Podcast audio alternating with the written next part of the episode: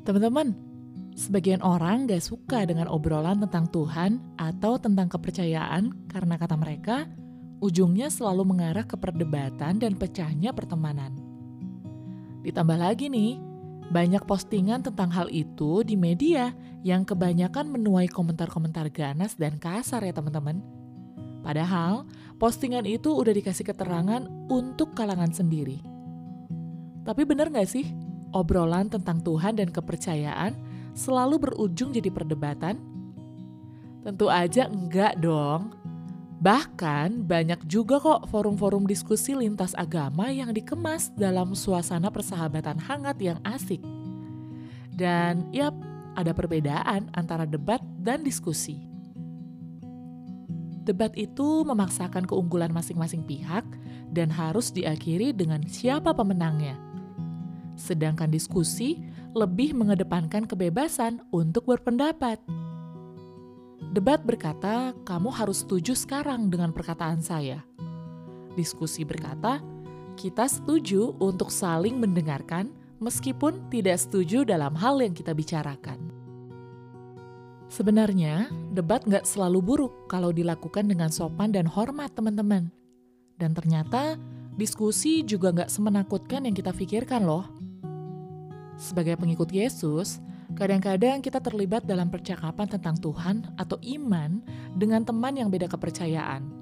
Entah kita, teman kita yang mulai, atau bahkan mungkin diskusi dimulai tanpa sengaja dan dia terbuka untuk ngebahasnya.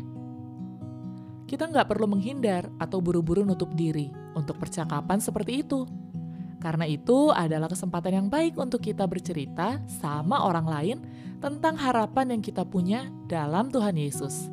Kata 1 Petrus 3 ayat 15. Teman-teman, dalam perintah untuk memberitakan Injil pun, tugas kita adalah menyampaikan kebenaran.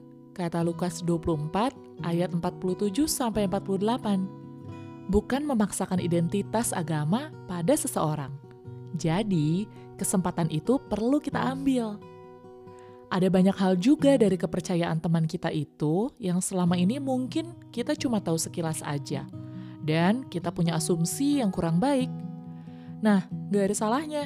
Kita mulai ngobrol dengan menanyakan sebuah pertanyaan sederhana seperti, Eh, kira-kira apa pandangan kamu tentang... Nah, teman-teman, kesalahan kita dalam mengobrol adalah kita suka mendengar untuk menjawab bukan mendengar untuk memahami. Kadang juga kita ketemu dengan seseorang yang kelihatannya gak mau denger dan hanya pengen bicara satu arah dan gak terbuka untuk dengerin apa pun penjelasan kita. Perlu hikmat dan tuntunan roh kudus untuk milih dengan siapa kita akan berdiskusi atau berdebat nih teman-teman. Nah, ada dua hal yang harus kita perhatikan waktu kita terlibat diskusi dengan seseorang tentang Tuhan atau iman. Yang pertama, kita harus tahu dan yakin dengan apa yang kita percaya. Contohnya, kalau kita pengen cerita ke seseorang bahwa Yesus adalah Tuhan, kita harus paham dengan akal budi, kata Matius 22 ayat 37, dan menguduskan Yesus sebagai Tuhan dan Juru Selamat pribadi di dalam hati kita, kata 1 Petrus 3 ayat 15. Pengetahuan kita mungkin belum lengkap teman-teman, tapi bukan berarti kita nggak boleh cerita ya. Kadang kita cukup jawab dengan jujur dan rendah hati. Wah, aku belum tahu jawabannya. Aku cari tahu dulu ya. Nanti aku kasih tahu kamu kalau aku udah tahu jawabannya. Lawan bicara kita juga nggak selalu tahu kok jawaban dari hal yang kita tanya sama mereka. Diskusi juga bisa dilanjutkan dengan topik yang lain. Setelah itu, kita bisa minta bantuan pembina rohani di gereja untuk bantu kita menjawab pertanyaan tadi. Yang kedua, pastikan ya, kita punya attitude lemah lembut dan hormat. Gak ada satupun orang yang suka dengan perlakuan yang kasar dalam obrolan.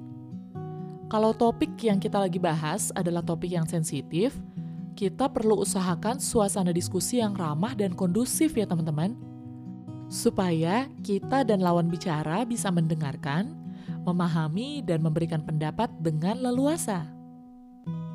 Paulus ngingetin kita kalau salah satu buah pekerjaan roh kudus dalam kita adalah kelemah lembutan. Kata Galatia 5 ayat 23. Ramah boleh, marah jangan ya. So, topik apa yang bisa kita obrolin dengan temen yang beda kepercayaan? Banyak banget. Kita bisa tanyain pandangan tentang teman-teman kita dalam kepercayaannya, tentang hal-hal yang terjadi di sekitar, Misalnya nih tentang kejahatan, tindak kriminal, pembunuhan, aborsi, penipuan, tentang hal-hal supranatural seperti mujizat atau bahkan tentang kekhawatiran dan bayangan akan masa depan. Dia pasti punya perspektif menarik yang perlu kita pahami sebelum kita menyampaikan apa pandangan kita tentang hal-hal tersebut ya teman-teman. Diskusi yang sehat juga bisa membuat pertemanan kita dengan seseorang makin hangat loh. Ada hal-hal baru yang kita bisa pelajari dari lawan bicara kita.